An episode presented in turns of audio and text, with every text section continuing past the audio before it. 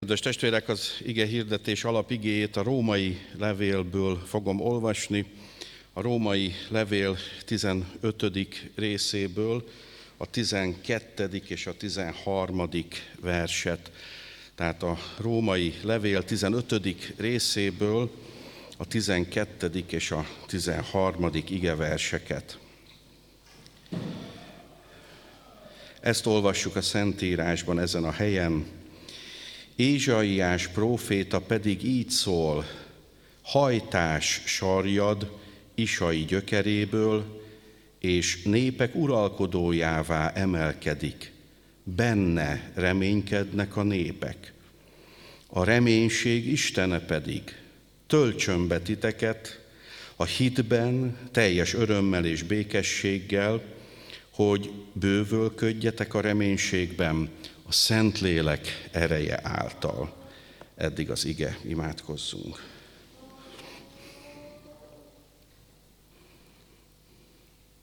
Uram, kérlek téged, adj erőt a szolgálat végzéséhez, hadd tudjuk hirdetni, és hadd tudjam én magam is úgy hirdetni az evangéliumot, ahogy kell.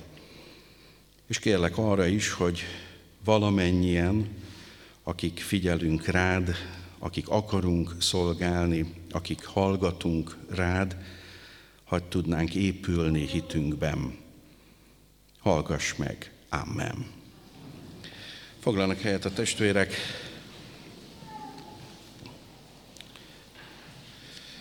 Kedves testvérek, kedves gyülekezet, mi jellemzi ezt a fajta reménységet, amiről Ézsaiás is beszél, nyilván abban a kontextusban, hogy ő elsősorban Isten és Izrael, a zsidóság hitbeli reménységéről beszél, és mi jellemzi azt a reménységet, ami közel 800 évvel később a zsidóként született Saulból, a Krisztussal való találkozás élménye és a hitrejutás által pállá nemesedett szívében van. Mi jellemzi a mai hívő biblikus reménységet? És egyáltalán lehet ilyen reménységet kapni Istentől? Nos, ennek a reménységnek, ennek a bibliai reménységnek az első és legfontosabb jellemvonása testvérek, hogy a hívő ember, a hitben élő ember nem valamiben reménykedik, hanem valakiben. Mégpedig nem is akárkiben, hanem a mindenható, a mindenütt jelenlévő, a mindent tudó, élő, szent és igazságos Úr Istenben.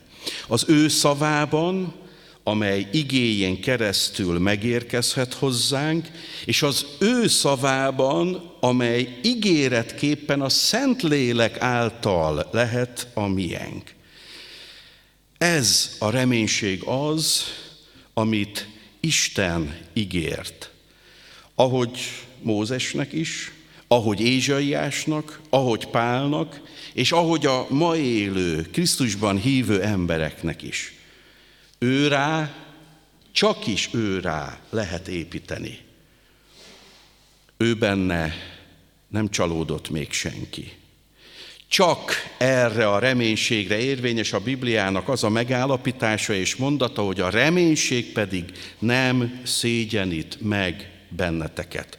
Ahogy végül is nem szégyenült meg Ábrahám sem, ahogy nem szégyenültek meg a hithősök sem, és ahogy nem szégyenültek meg hit elődeink sem. Ugyanakkor, aki magában, esetleg az összeköttetéseiben, nagyon sok ember a szerencsében reménykedik, meg abban, hogy majd csak lesz valahogy, az kedves testvérek kijelenthető, hogy biztos csalódni fog. Ha nem előbb, akkor utóbb. Ha kérdés az, hogy hogyan szólítsák meg a testvérek, és hogyan beszélgessenek a testvérek Jézus Krisztusról, hát ez egy nagyon jó kiindulási alap, te kiben reménykedsz. Neked ki a biztos alap az életedben. És kedves testvérek, A Biblia nagyon sok helyen beszél erről, figyelmeztetéssel, figyelemfelhívással, hogy csak az élő Istenbe vessük reménységünket, ne emberekbe, és legfőképpen ne magunkba. A 118. Zsoltár 8.-9. verse így szól. Jobb az Úrban bízni, mint emberekben reménykedni. Jobb az Úrnál keresni oltalmat, mint előkelő emberekben bízni. Három ezer évvel ezelőtt. Jobb az Úrban bízni, mint emberekben. Legyen az akár a rokonod, testvéred, munkatársad, nagyon jó ember is, de mégis azt mondja az írás, jobb az Úrban bízni. Tessenek csak Dávidra és az ő szeretett fiára, Absalonra gondolni. Dávid bízott Absalomba. Megengedte neki, hogy az akkori kicsiny kis Jeruzsálem város kapujánál találkozzon azokkal az emberekkel, akik egyébként Dávidhoz jöttek volna segítséget kérni. És érdemes volt Dávidnak bízni az ő szeretett fiában? Nem, mert Absalon úgy gondolkodott, magamra irányítom a reflektorfényt, és akkor meg tudom buktatni apámat. Végül meghalt ez a fiú. És azt mondja az írás, szintén három ezer évvel ezelőtt, mára is alkalmazható, jobb az Úrnál keresni oltalmat, mint előkerül emberekben bízni. Az embereknek ma is megvan az a kísértése, hogy hát majd segítünk. Megkérek valakit, és ő oda telefonál, és akkor elintézik az ügyemet. És kedves testvérek, milyen sokszor te azt gondolod, hogy ezek az emberek majd segítenek neked, és kiderül, hogy nem. Kiderül, hogy még csak meg sem ismernek. Vagy ha te azt gondolod, hogy ismernek, még a végén le is tagadnak. Isten igéje arra bátorít, a reménység Istene töltse be a szíveteket, a reménytelen helyzetekben is. Mert nem emberekben kell bíznunk, akár milyen magas pozícióban vannak is ők. Kedves testvérek, önmagunkban se bízzunk, mert csalárdabb a szív mindennél, és kicsoda ismerheti azt. Ha igaz az, hogy Istenben soha nem csalódunk, már pedig igaz, akkor az is igaz, hogy ő valóban ismeri a mi szívünket. Sokkal jobban, mint ahogy mi gondolnánk. Azt és sokkal jobban, mint ahogy önmagunkról gondoljuk, hogy mi minden élethelyzetre fel vagyunk készülve, bennünket nem érhet már meglepetés. És Isten arra bátorít testvérek, hogy az igaz Istenben, a mindenható Istenben, a Biblia Istenében, abban az Istenben bízzunk, aki a Szentlélek ereje és munkája által ott van az életünkbe. Nem pedig egy magunk által elképzelt bálvány Istenbe bízzunk. Sok embernek ilyen Istene van. Nem az igére alapuló Istene, hanem egy olyan bálvány Istene. Kedves testvérek, hétfőn történt, hogy a Székesegyházban volt a piarista gimnáziumnak és általános iskolának az évnyitó Isten tisztelete. És egy idős, 70 éves lelkész, ahogy ők mondják, atya tartotta a szent beszédet. Ott volt 632 diák. Zsúfolásig tele volt a székes egyház ötödikestől negyedik gimnazistán keresztül, a tanárokkal. És kedves testvérek, úgy figyeltem a diákok arcát, sokan úgy előre hajoltak. Erik, meg tudnád tenni, hogy így előre hajolsz, bukjál előre, úgy légy szíves. Úgy egész le a padra, tudod te azt, hogy kell. Na, tehát, tehát sokan, sokan ebben a testhelyzetben szenvedték az Isten tiszteletet, pedig testvérek. Ez az idős, most ide került lelkész. A Szent Lélekről beszélt, Jézus Krisztusról beszélt, a Szentírásról beszélt, és ami a legfontosabb volt, a megtérésről beszélt. Szenzációs beszéd volt. És amikor ő áment mondott, akkor belőlem is, mert annyira hatott rám, önkéntelen is kibudjant ez a szó, hogy Amen. Na akkor buktam le. Mert ugye azt kellett volna mondanom, hogy Istennek legyen hála. És mindenki nézett, ez ki. Nos, kedves testvérek, igen, jó, hogyha minden templomban, és jó, hogyha minden felekezetben vannak olyan hívek, adott esetben még lelkészek is, vagy atyák, akik a Szentlélekről, a Szentírásról, Jézus Krisztusról és a megtérésről beszélnek.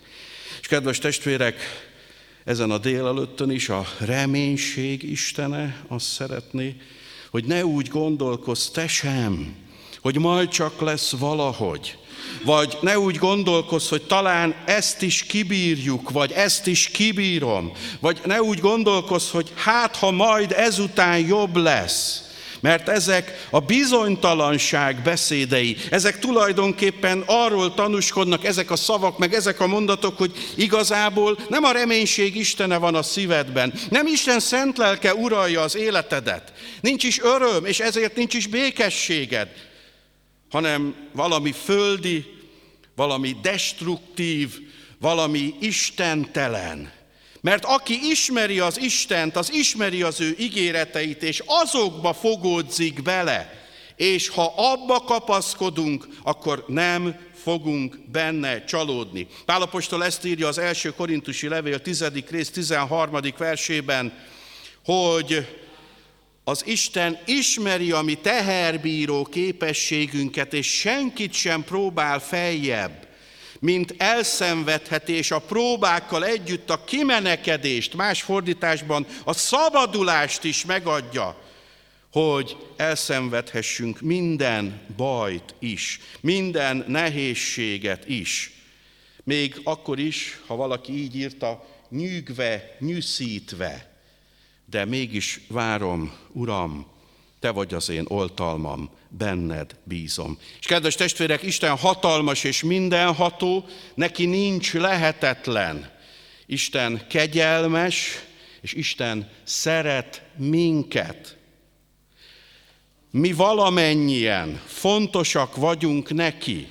Még azok is fontosak neki, akik még nem is az övéi. Talán még inkább fontosak neki mert szeretettel fordul feléjük, és szeretné, ha ők is döntést hoznának mellette. És ez a döntés valahogy úgy induljon, ki vagy, Uram, aki ennyire szeretsz engem, bár én távol élek tőled.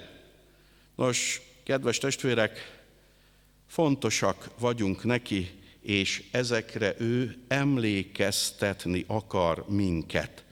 A hívő ember a reménységét Istenbe veti, mert olvassa a Szentírást, és így megismeri Istent és az ő ígéreteit.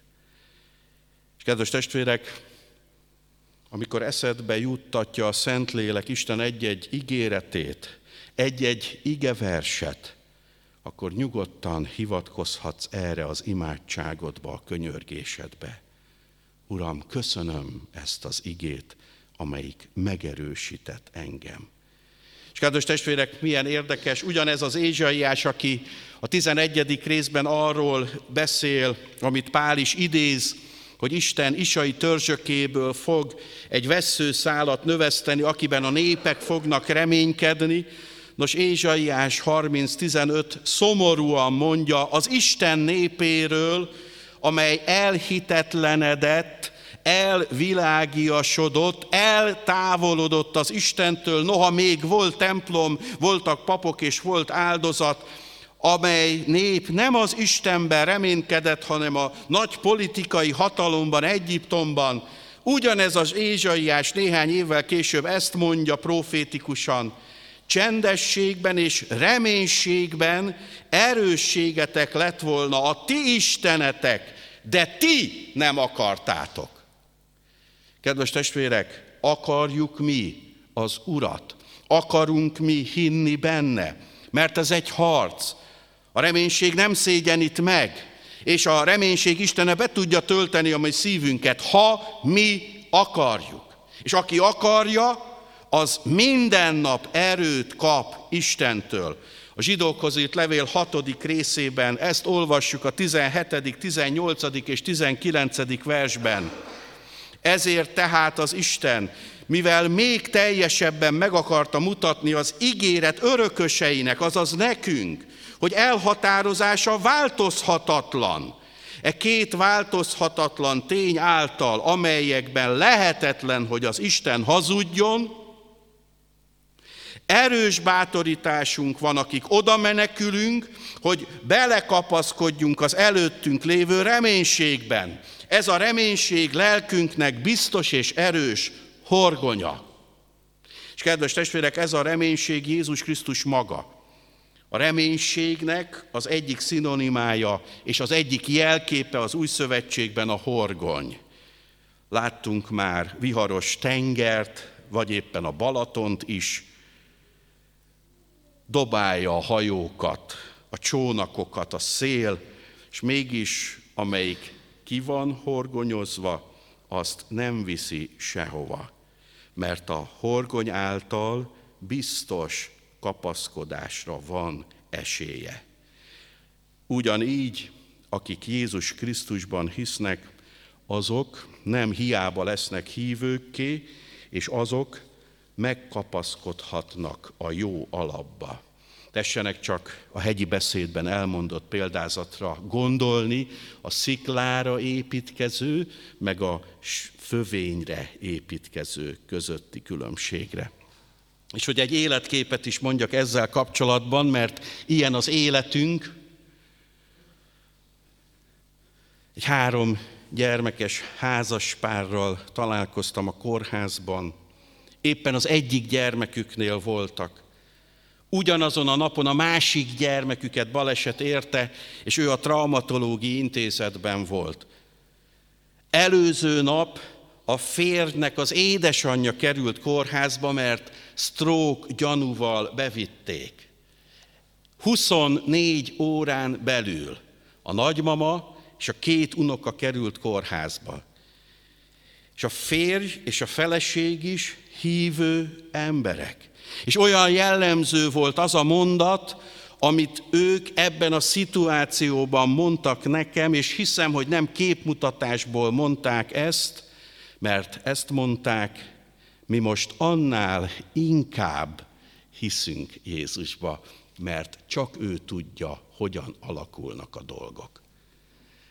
Kedves testvérem, vajon amikor tragédiák, nehézségek, betegségek, váratlan élethelyzetek, esetleg munkahelyi elbocsátások, vagy fel nem vételek, vagy bármilyen dolog ér, akkor ez jellemző rád és rám, hogy annál inkább bízom, annál inkább kapaszkodom Jézusban, vagy esetleg valamilyen reményt vesztettség, valamilyen keserűség. Jézus, ami reménységünk, biztos és bátorságos horgonya, az élő Jézus Krisztus, akibe szabad és meg is lehet kapaszkodni. És kedves testvérek, valóban a reménység általi hit és a reménység általi hitélet harc is, szakadatlan küzdelem. Most folyik az öttusa világbajnokság. Emlékszem a 80-as évek végén az arany csapatra Fábián, Mizsér, Martinek. 40-50 ezer ember volt kint a helyszíneken. Most nincsenek ilyen kiválóságaink. Látszik is, alig vannak pár ezren. Pedig most lelátókat, stadiont építettek. És kedves testvérek, az egyik szünetben megkérdezték a 2000-es Sydney olimpia második helyezett Balogh Gábort, aki egyébként az ifjúságért munkálkodik, hogy vajon miért nincsenek olyan kiválóságaink, vajon miért nincs utánpótlás, vajon miért nem jönnek a gyerekek az öt tusát megvívni. És nagyon, nagyon érdekes volt az ő válasza. Azt mondta, mert a mai gyerekek nem akarnak harcolni. Úgy szíven ütött ez. Ricsi, te akarsz harcolni? Geri, te akarsz harcolni? Boti, te akarsz harcolni? Vagy azt várjátok, hogy mindent úgy alátok tegyünk? Hát Balázs, te már nem vagy gyerek, te már fér vagy, de harcoljál azért. Kedves testvérek, akarnak harcolni a mai fiatalok, vagy csak punnyadni? Pedig olyan jó képeket látok tőlük az Instagramon. Ott mindenki happy, ott mindenki vidám, ott mindenkinek akkora és olyan szép körme van, hogy hihetetlen. Ott mindenkinek 88 foga van, testvérek. És ott mindenki erős. És ott mindenki derűs. És aztán, amikor találkozunk az utcán vagy bárhol, akkor meg annyira kis olyan elesettek. Még iskolába is kell járni. És még tanulni is kéne. És már előző héten is mondtam, hogy érettségiznek, vigyázzanak, mert 2020. május harmadika után jön negyedike, és mégis lesz érettségi, nem marad el. És ez fog számítani a továbbtanulásodban is. Kedves testvérek, de az előttük lévő generáció, a 30-as, 40-es generáció, akik már szintén a jóba születtek, nem éltek 56-ba, nem éltek 45-be, nem értek a horti rendszerbe, nem szoba-konyhába születtek 28-an, hanem minimum tanácsi lakásba. Ugye ezt annak idején így mondták. Akiknek minden jó megadathatott. Ők akarnak harcolni. És kedves testvérek, idős testvérek, vajon az életút végén még akarsz harcolni, vagy úgy beletörődsz? Kedves testvérek, a reménység az nem egy vidám dolog, de jó dolog. A reménység az egy harc. Minden egyes napunk harc. Szakadatlan küzdelem. A hitetlenség ellen, a saját hitetlenségem ellen, a feladás ellen, a kiállás ellen, a meghátrálás ellen. Ne kételkedj tehát Isten igaz mondásában, ha ő azt ígéri, hogy a Szentlélek és a hitáltal be tudja tölteni a szükségedet meg, a szívedet, reménységben bővölködő életre, akkor hidd el, és kérd ezt tőle. És hogyha azért imádkozol, Uram, szabadíts meg valamitől, legyen erőt kivárni, amíg Isten megszabadít. Legyél bizonyos ebben, ahogy Sidrák, Misák és Abednego is bizonyos volt abban, hogy ha van Isten, és ők nem hajtanak térdet a bálványszobor Isten előtt, akkor az Isten, ha akarja, még a tüzes kemencében is életben fogja őket tartani. És kedves testvérek, azok, akik bedobták őket a tüzes kemencébe, mind meghaltak. Mert a tüzes kemence körül is akkora volt a forróság és mindenki elcsodálkozik, hogy miután kialudt a tűz, és kihűlt a kemence, és kihozták ezt a három derék zsidó fiút, mind csodálkoztak el a legjobban azután, hogy élnek. Így van, hogy még füst szaguk sem volt. Hogy még füst szaguk sem volt. Pedig akik gyújtottak már tábortüzet, kijelölt helyen, szabályosan, azok pontosan tudják, hogy azt a pólót, azt a nadrágot, azt az oknit, azt be lehet tenni a szennyesbe, mert az milyen szagú lesz? Füst szagú.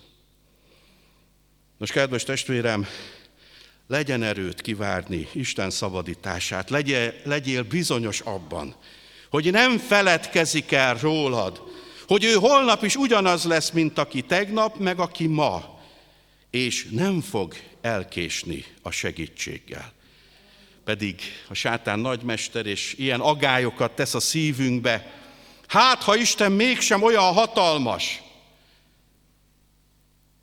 Hát, ha Isten elfedelkezik rólam, hát, ha elkésik, hát, ha holnap már nem is lesz, nyugodtan törölhetjük ezeket a hátha szavakat, testvérek, és helyükre betehetjük, egészen bizonyos vagyok abban, hogy kinek hittem, és egészen bizonyos vagyok abban, hogy Jézus Krisztus tegnap, ma és mindörökké ugyanaz. És ebben az Úr Jézus Krisztusban kell feltétlenül hinnünk, mert ő, a reménység Istene, szeret minket, és ő azt szeretné, hogy örömteli, békességes, de ugyanakkor harcos életet éljünk. Legyen így. Amen.